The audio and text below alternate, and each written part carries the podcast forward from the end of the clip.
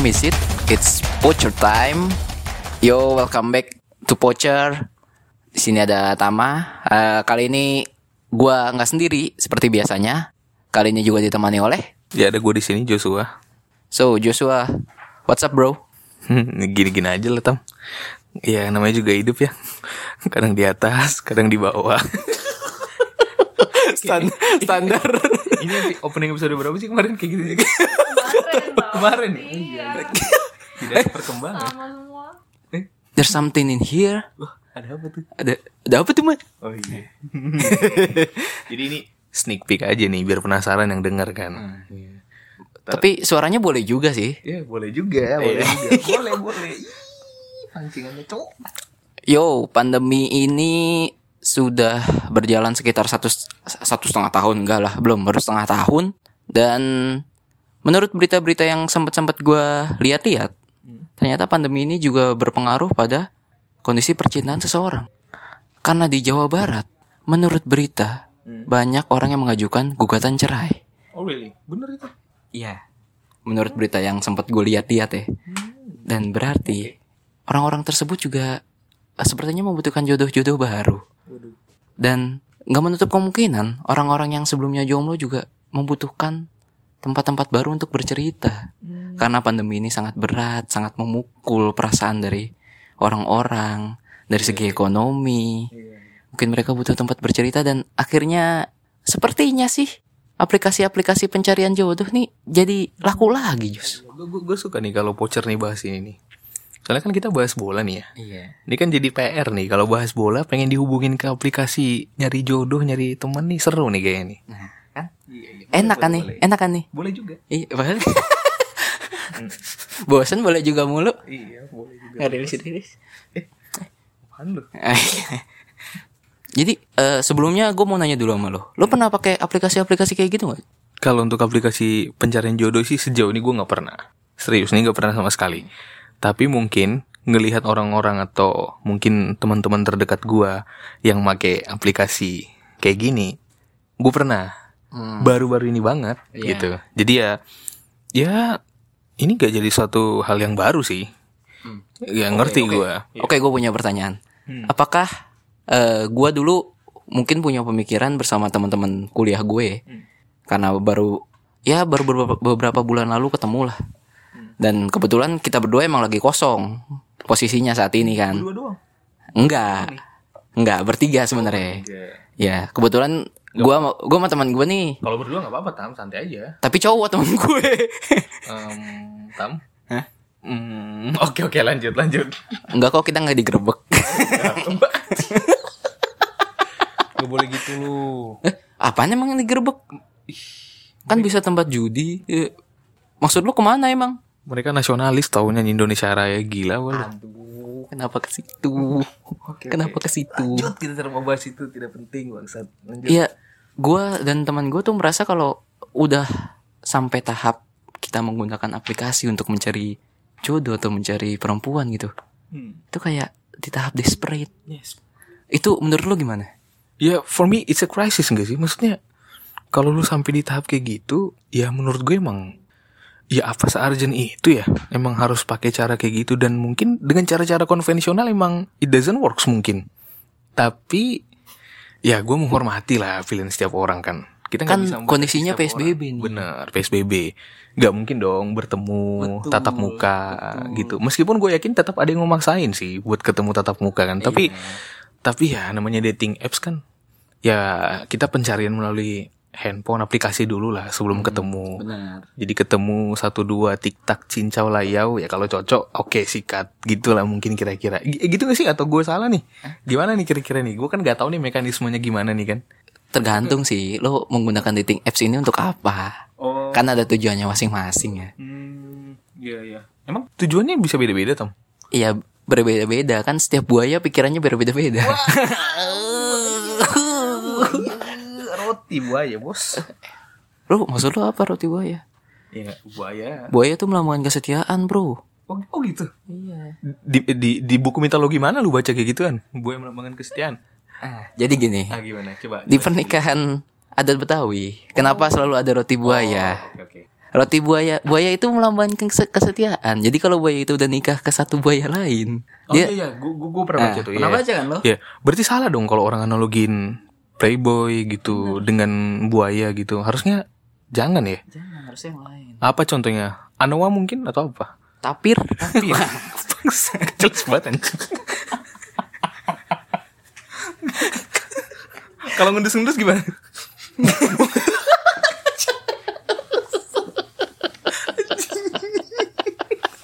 Mulai kebanyakan miring Ini bingung nih ntar hubunginya gimana Ngendus Astaga, astaga. Tapi gini Jos, Apa tuh? lu pernah ngebayangin gak kalau misalkan eh aplikasi-aplikasi seperti Tinder ini Hmm. diaplikasikan dalam sepak bola? Hmm. Jadi eh lo misalkan kayak orang pemain gitu, pemain misalkan dari satu klub, ah gue udah nggak betah di klub ini, Iya. gue pengen ngejual diri gue sendiri di aplikasi ini. Hmm. Apakah ada klub-klub lain yang ikut match dengan kriteria gue? Misalkan kriteria gue kayak eh gue pengen gaji 70.000 ribu pounds, Yes. gue pengen bermain di eh, setidaknya mid level club. Iya, iya, iya. Gue pengen eh, misalkan apa ya? Gue pengen dapet nomor punggung Ah, sekian. 47 misalkan kan gitu. Klub yang OVL itu ini. Nah, gokil sih. Lu pernah kepikiran nggak? Gue kok gue gue baru kepikiran yang lu sampein ini sih. Maksudnya karena lu bahas tentang masalah Tinder juga. Gue brilian berarti. Iya, mak- maksudnya kan lu kan emang lagi lagi gimana ya? Lagi girang banget kan bahas beginian kan akhir-akhir ini kan. Jadi ya oke, gua gua oke, gua appreciate aja lah. Tapi menurut gue ini ide yang gokil sih.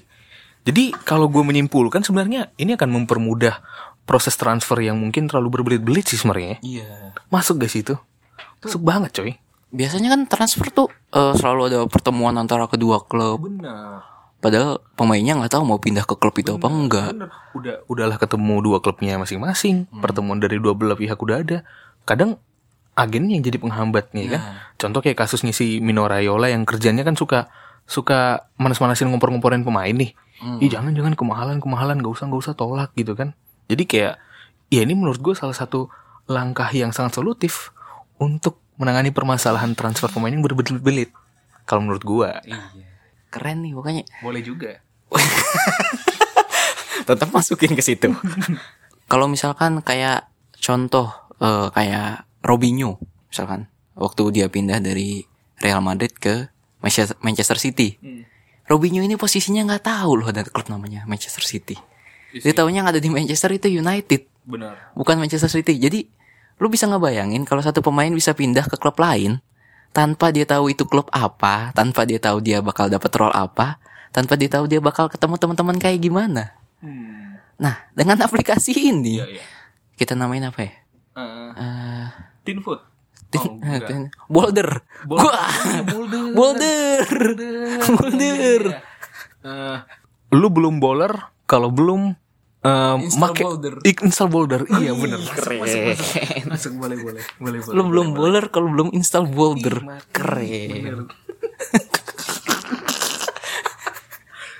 Masuk masuk tapi masuk masuk.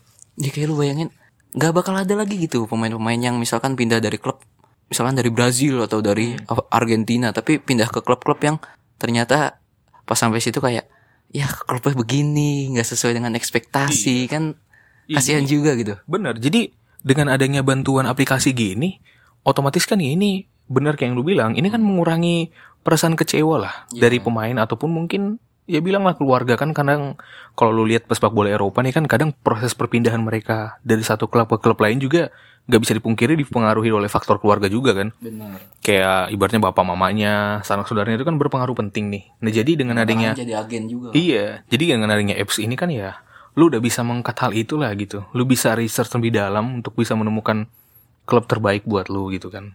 lu kepikiran nggak ada pemain-pemain yang sekarang gitu yang kira-kira bisa menggunakan aplikasi ini untuk masa depan yang lebih cerah lah daripada klub-klub yang dibelanya sekarang Sebenarnya sih menurut gua gak usah jauh-jauh sih ya. Mungkin kesulitan yang dialami Gareth Bale sekarang di Real Madrid kayaknya bisa lah ditangani dengan permasalahan ini ya. Kalau menurut gua sih bro ya. Jadi kan posisi kan dia setuju. Iya gak sih? Ketimbang lu angin-anginan, tidak jelas, menyendiri di lapangan golf bermain sendiri gitu kan, lu kesepian gitu. Mungkin bisa menggunakan aplikasi Boulder ini kan? Iya. Yoi. biar lu yang dulunya jadi pemain golf kembali jadi bowler. Nah, gitu dia, Bos. Nah, kira-kira Gareth Bale apa karakteristik klub yang cocok untuk Gareth Bale gitu? pertama. Gareth Bale sekarang gaji berapa sih? Wah, gila ampun-ampunan sih. Setahu gue tuh masih top 5 di Madrid. Nah, iya. Paling gede. Lu bayangin gak, gak ngapa-ngapain, gak kerja tapi tetap dibayar tuh. Wah, gila itu impian semua orang sebenarnya. Loh, Gareth Bale kan bekerja dengan meneropong dari bench. Wah. Ini udah hallnya ada di mana ya? Teropong dulu lah. Yes. Klub apa yang cocok?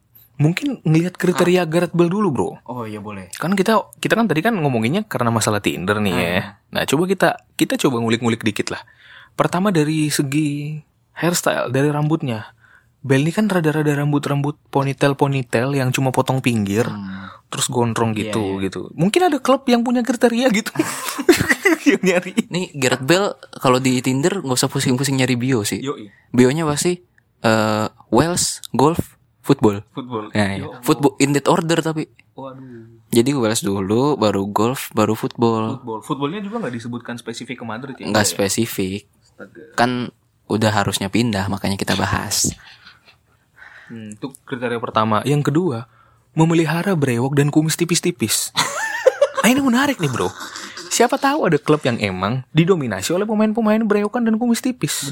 Yoi. Lu kalau contoh lihat timnas Spanyol ya, gue ingat tuh di era timnas Spanyol yang sekarang nih. Ini rata-rata pemainnya brewokan semua coy. Apakah ini sebuah kebetulan? Belum tentu. Tapi apakah ini menjadi sebuah tren atau mungkin citra dari klub atau timnas sendiri? Bisa jadi. Nah mungkin Gareth Bale untuk mempermudah langkahnya di klub selanjutnya. Mungkin Bale bisa mencari klub yang menerima pemain dengan kriteria brewok dan kumis tipis-tipis. gitu kan. Siapa tahu mungkin ya sama kayak ya mungkin teman-teman kita yang sering pakai aplikasi ini juga kan. Siapa tahu emang mereka emang langsung dilihat gue anjir. Kalau kalau kalau lu kayak takut gitu sih, kenapa sih? Kenapa? Siapa tahu emang doyannya dia nyari yang itu berkumis tipis-tipis gitu. Biasanya kalau yang kayak gitu manly dengan Iya. Aduh, aduh, aduh, aduh. Satu hal yang harus eh, dimiliki oleh klub yang ingin mengakuisisi Bel gitu. Nah, sebenarnya juga klub itu harus mempunyai uang. Iya sih, uang. Suka atau nggak suka. Yo, bener. Karena Bel nggak mungkin kan digaji setara kayak eh, siapa contohnya? Bel digaji setara seperti Fred gitu misalkan. Iya. Ya, enggak lah. Atau makan Bel diturunkan gajinya setara Ferland Mendy? Gak mungkin juga. Masih baru kan? Itu kan udah anak lama doi. Tahu Bel digaji setara Luka Zidane? Wah, kejauhan bos. Makin nggak bisa juga. Ya kejauhan. Kejauhan. Kejauhan itu anjir. iya bener sih masalah gaji sih ya. Hmm. Jadi ya, iya bener sih. Cuman ya balik lagi. Aplikasi ini kan gue nggak tahu ya mekanisme aplikasinya kerjanya gimana. Tapi kan Iya, ini ini cuma ada di otak-otak kita Yoi. aja. ngawang-ngawang aja dulu ya kan. Iya. Jadi posisinya mungkin ketemu aja dulu. Bel dengan klubnya yang pengen. Mereka ketemu mungkin dalam sebuah pertemuan yang syahdu, pertemuan yang romantis gitu kan. Iya. Akhirnya ngobrol dulu, gimana kira-kira Kalau kata anak komunitas berkopdar. Kopdar gan. dulu. Iya. Kopi darat kita gan. Kamu anak mana Bel gitu kan. Udah tahu sebenarnya bahasa-basi aja anjir. Iya berarti bahasa basinya gak gitu. Eh, karir kamu di Madrid sepertinya stuck Bel. Menurut kamu apakah kamu tertarik dengan klub ini Bel? Iya. Eh, tapi aku tuh tipenya pemilih gitu loh. Aku tuh pengen ngelihat eh, kamu tuh orangnya gimana dulu klubnya. Kira-kira klub kamu ini kayak punya dedikasi gitu gak sih buat eh, aku bisa punya harapan karirku kembali di sini gitu. Kalau kamu di klub ini sih, kamu bisa latihan golf setiap hari. Iya. Kamu bisa latihan golf di sore hari dan latihan sepak bola di pagi hari. Itu adalah win-win solution bukan? Untukmu? Enggak jawaban paling ngeheknya. Ih, kamu suka main golf? Ih, kita sama. Kok kita sama suka sih? Ih, bangsat. Ih, kenapa kita sama? Ih, ti, ti. Ya ampun, ampun. Kumis-kumis tipis lagi gitu. Bangke, bangke. Ini pemain-pemain yang lain yang kira-kira wajar, yang kira-kira bisa untuk ditaruh di boulder ini siapa lagi? ya? Gue sih tertarik ini sih bro. Kalau lu ngamatin ya sama yang terbaru tuh kalau lu ngeliat empat tiga tiga sama Bleacher Report tuh Hah? ngenangkap momen sneak peeknya dia ya. Iya, Lagi ngeliatin tuh doi. iya. tuh gue tertarik sama James Rodriguez sama Carlo Ancelotti sih boy. ini ini cerita yang menurut gue tuh ih, ini kayak cerita ke mana pun kau berlari akan ku kejar coy. Aduh, Gokil coy. Gokil. Jadi ini nggak cuma sekedar pengaruh boulder lagi. Ini udah udah ini udah pasti udah pasti lebih dari itu coy. Ada ada ikatan batin yang bergejolak di dalamnya. Ih, betul aja. Betul. Iyalah. Kita ngelihat dari awal pindahnya James ke Madrid. Hmm. Pelatihnya Carlo Ancelotti. Yoi. It- dan itu dia masih inti hitungannya. Masih inti. Masih inti. Dan bahkan kan kedatangan James di sana kan ketika Ancelotti udah musim kedua, posisi musim kedua, Oh iya. dia dikasih dana segera sama Madrid, terus dia beli Cross, terus dia beli si James Rodriguez juga. Tapi yang paling diingat orang kan karena momen James Rodriguez, posisi dia lagi high perform banget pas World Cup kan, Iya. diambil tuh sama Ancelotti. Nah di situ tuh kisah cinta mulai bersemi di antara mereka berdua. Bukannya Hames cuma bagus di World Cup aja? Ah, enggak sih. Kita skip yang itu, kita kembali ke Jangan, Hames. lu, lu jangan merusak pembahasan kita nih. Pembahasan kita nih nggak nggak yang susah banget mikirnya. Oh iya. Pembahasan kita hari ini lah smooth. Ah, iya. Smooth. Yoi, Netflix and chill. Ini sedap, betul betul. Smoothnya smooth merah, smooth bako. Iya. Aduh. Ya walaupun habis itu Hames pindah ke Munchen. Munchennya dilatih Ancelotti. Yo, bro Ancelotti ya kan move tuh ke Bayern kan. Dua musim di Madrid rasanya nggak cocok terus dia cabut. Munchen malah eh, hire Ancelotti terus ketemu lagi sama James di sana. Nah, di situ tuh wah agak lucu sih sebenarnya sih. Sebenarnya dari sana pun udah bisa ditarik benang merah bahwa emang kayaknya emang Carlo Ancelotti itu emang klubnya harus bareng James sih di sana. So, akhirnya sampai yang terbaru lah. Yang terbaru ya ketemu lagi di Everton. Dibayar 20 juta euro kayaknya kalau ini eh, nggak perlu boulder. Ini nggak perlu kopdar-kopdar lagi kan. Ini tinggal nelpon kayaknya. Jadi kayaknya posisi ketika James sudah ke Everton dan ada Ancelotti di sana, ini udah after Boulder, Bro. Jadi kayak mereka ini kan udah terikat banget nih di Madrid, di Munchen. Nah, pas ketemu di Everton nih udah lebih kayak kamu gimana kabarnya hari ini gitu. Nah, berarti kalau misalkan di Tinder berarti udah masuk ke tahap chat-chat di WA. Ih, gila. Udah nanya akun akun lainnya. Akun Instagram Ih. juga, Instagramnya udah follow-followan biasanya. Boleh aku chat gak kamu? Eh, lain aja ya. Ah. Ih, mati. Bener-bener mampus. Ih, ada yang batuk. batuk aja. Obatnya ada tuh obat, obat- obat batuk. Udah, udah tahu. Gak usah. Iya, aduh, aduh, berusaha banget nih kayak dari tadi. Gue ada satu pemain sih yang gue pengen untuk memakai boulder ini. Kenapa sih? Messi lah. Waduh. Messi kan high profile. Hmm. Jadi ibaratnya kalau misalkan lu main di Tinder itu di swipe right semua tuh. Nggak mungkin di swipe left, nggak mungkin ditolak nih orang. Bener. Cuman dia swipe right-nya cuman paling cuman satu atau dua. Iya. Bahkan kayaknya Messi tuh yang nolak-nolak ya. Iya. Jadi ngeliat nih, iya. Ini presentasi matching ini kalau nggak nyampe di atas 90 persen, gue nggak mau nih nerima nih. Gitu kalau Messi kan. Apalagi kalau kita ngomongin Messi kan sebenarnya klub-klub yang sepertinya cukup untuk Messi gitu ya cuma beberapa. Yoi, siapa sih yang sanggup bayar gaji dia kan gede banget coy. Paling cuman dari Paris satu satunya lagi. Ah udahlah, singkatnya klub-klub kaya lah. Iya. Iya. klub-klub Kaya Turin, dan klub-klub yang mendadak kaya. Ah udah itu deh yang sanggup tuh bayarin gajinya dah. Newcastle mendadak kaya. Iya, kan gak jadi. iya gak jadi. udah ngartu. Newcastle padahal baru mau menggunakan aplikasi ini untuk mencari pemain-pemain bintang. Iya, gak jadi. Proyekan gagal. Oke, eh untuk aplikasi ini berarti kita menyediakan peran agen. Gue mau menanyakan sesuatu yang agak serius di akhir pembahasan dari voucher kali ini. Hmm, kok langsung berakhir? Nggak apa-apa. Aku dimarahi ya. narsumnya dari sini. Dan yang mendengar berharap narsumnya ikut ngomong. Tidak akan kita berikan. Penasaran lo sampai akhir episode ya kan, Mam. Ini narsumnya kita mute. Kalau di zoom tombol unmute-nya dihapus langsung. Kalaupun dimasukin mungkin jadi kayak ini, Bro. Apa tuh? Yang investigasi-investigasi di trans itu loh. yang yang suaranya di yang bakso borak yang gitu-gitu ya. Nggak bakal dikasih tahu orang anjir. Mukanya ditemin. Mukanya ditemin. Saya pakai formalin.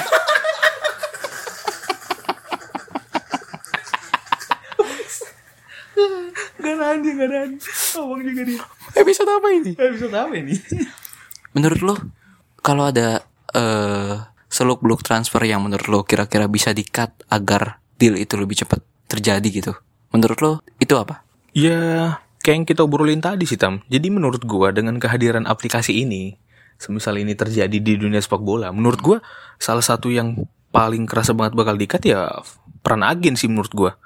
Jadi jatuhnya ya dengan adanya aplikasi ini, ya lu kan udah langsung menghubungkan antara pihak pertama dan kedua nih. Oh iya. Lu nggak perlu lagi ada pihak penengah atau perantara, distributor udah nggak perlu lagi. Tanpa makelar berarti. Yoi. Langsung antara si klub dan si pemain bertemu melalui apa? Ya pertemuannya di aplikasi ini, Boulder yang kita bilang tadi ini.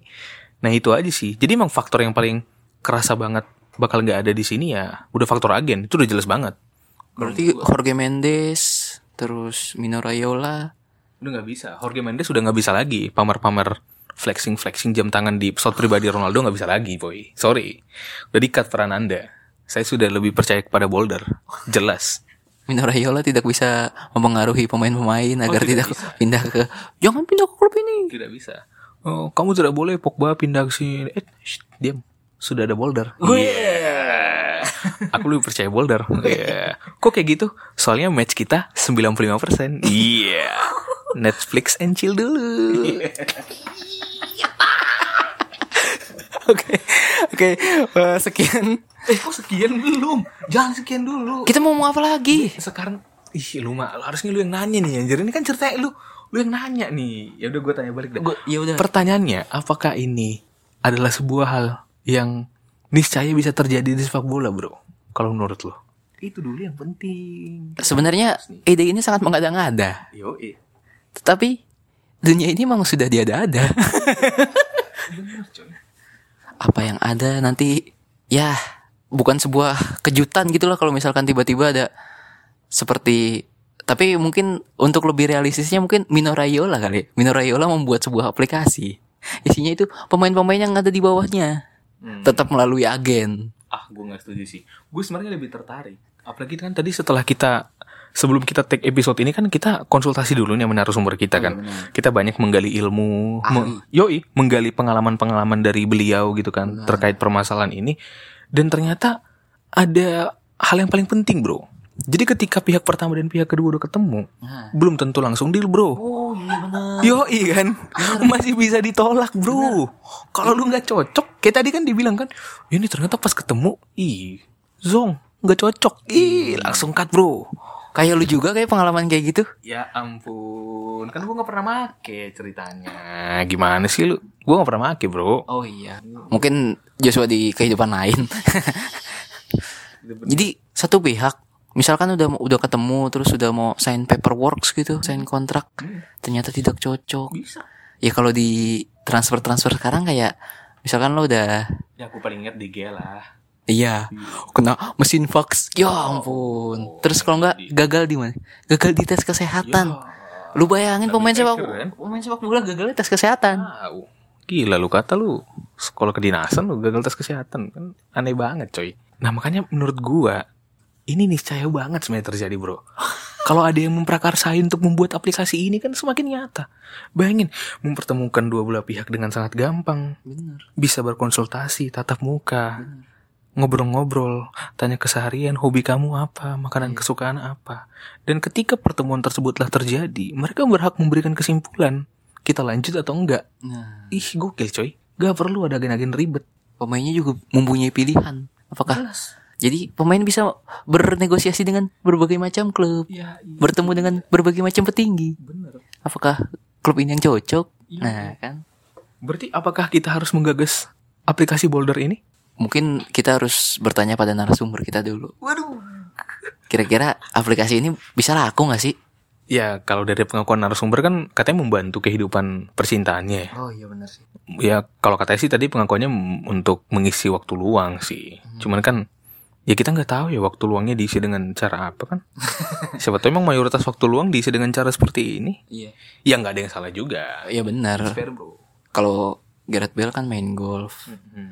Kalau yang lain kan misalkan main PS, ya kita nggak tahu kalau narasumber kita ini ngapain. Bener. Tapi ya terima kasih lah buat narasumber kita ya. Udah memberikan informasi ini kan jadi terbuka nih cakrawala pemikiran kita kan. Yoi.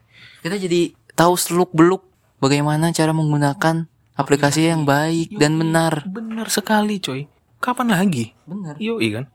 Kapan lagi pocer take episode melakukan riset dulu. Baru kali ini seniat ini bro. Langsung ada narasumber. Pocher X Boulder. Ih, Wih. Pocer X narasumber. Wah. Iya. Narasumber yang masih disamarkan. Iya. Yang cuma ada ketawa-tawanya aja. Yang tadi apa tuh? Omongan yang paling paling melekit apa? Fetish. Ih. Mati mati mati. Oke, sekian dulu episode tentang Pocher X Boulder, X Tinder, X Oke Cupid, X Bumble. Jadi semua aplikasi percintaan yang kiranya mampu membantu kalian silahkan dipakai jika kalian ingin dan jangan memaksakan diri kalian untuk memakainya jika kalian tidak ingin. Just relax, don't be so hard. Santai aja. Rahasia narasumber terjamin. Eh maksudnya aplikasi ini bisa di, di, di- dipakai. Benar. Benar, benar. Oke, Pocher sign out. Ciao.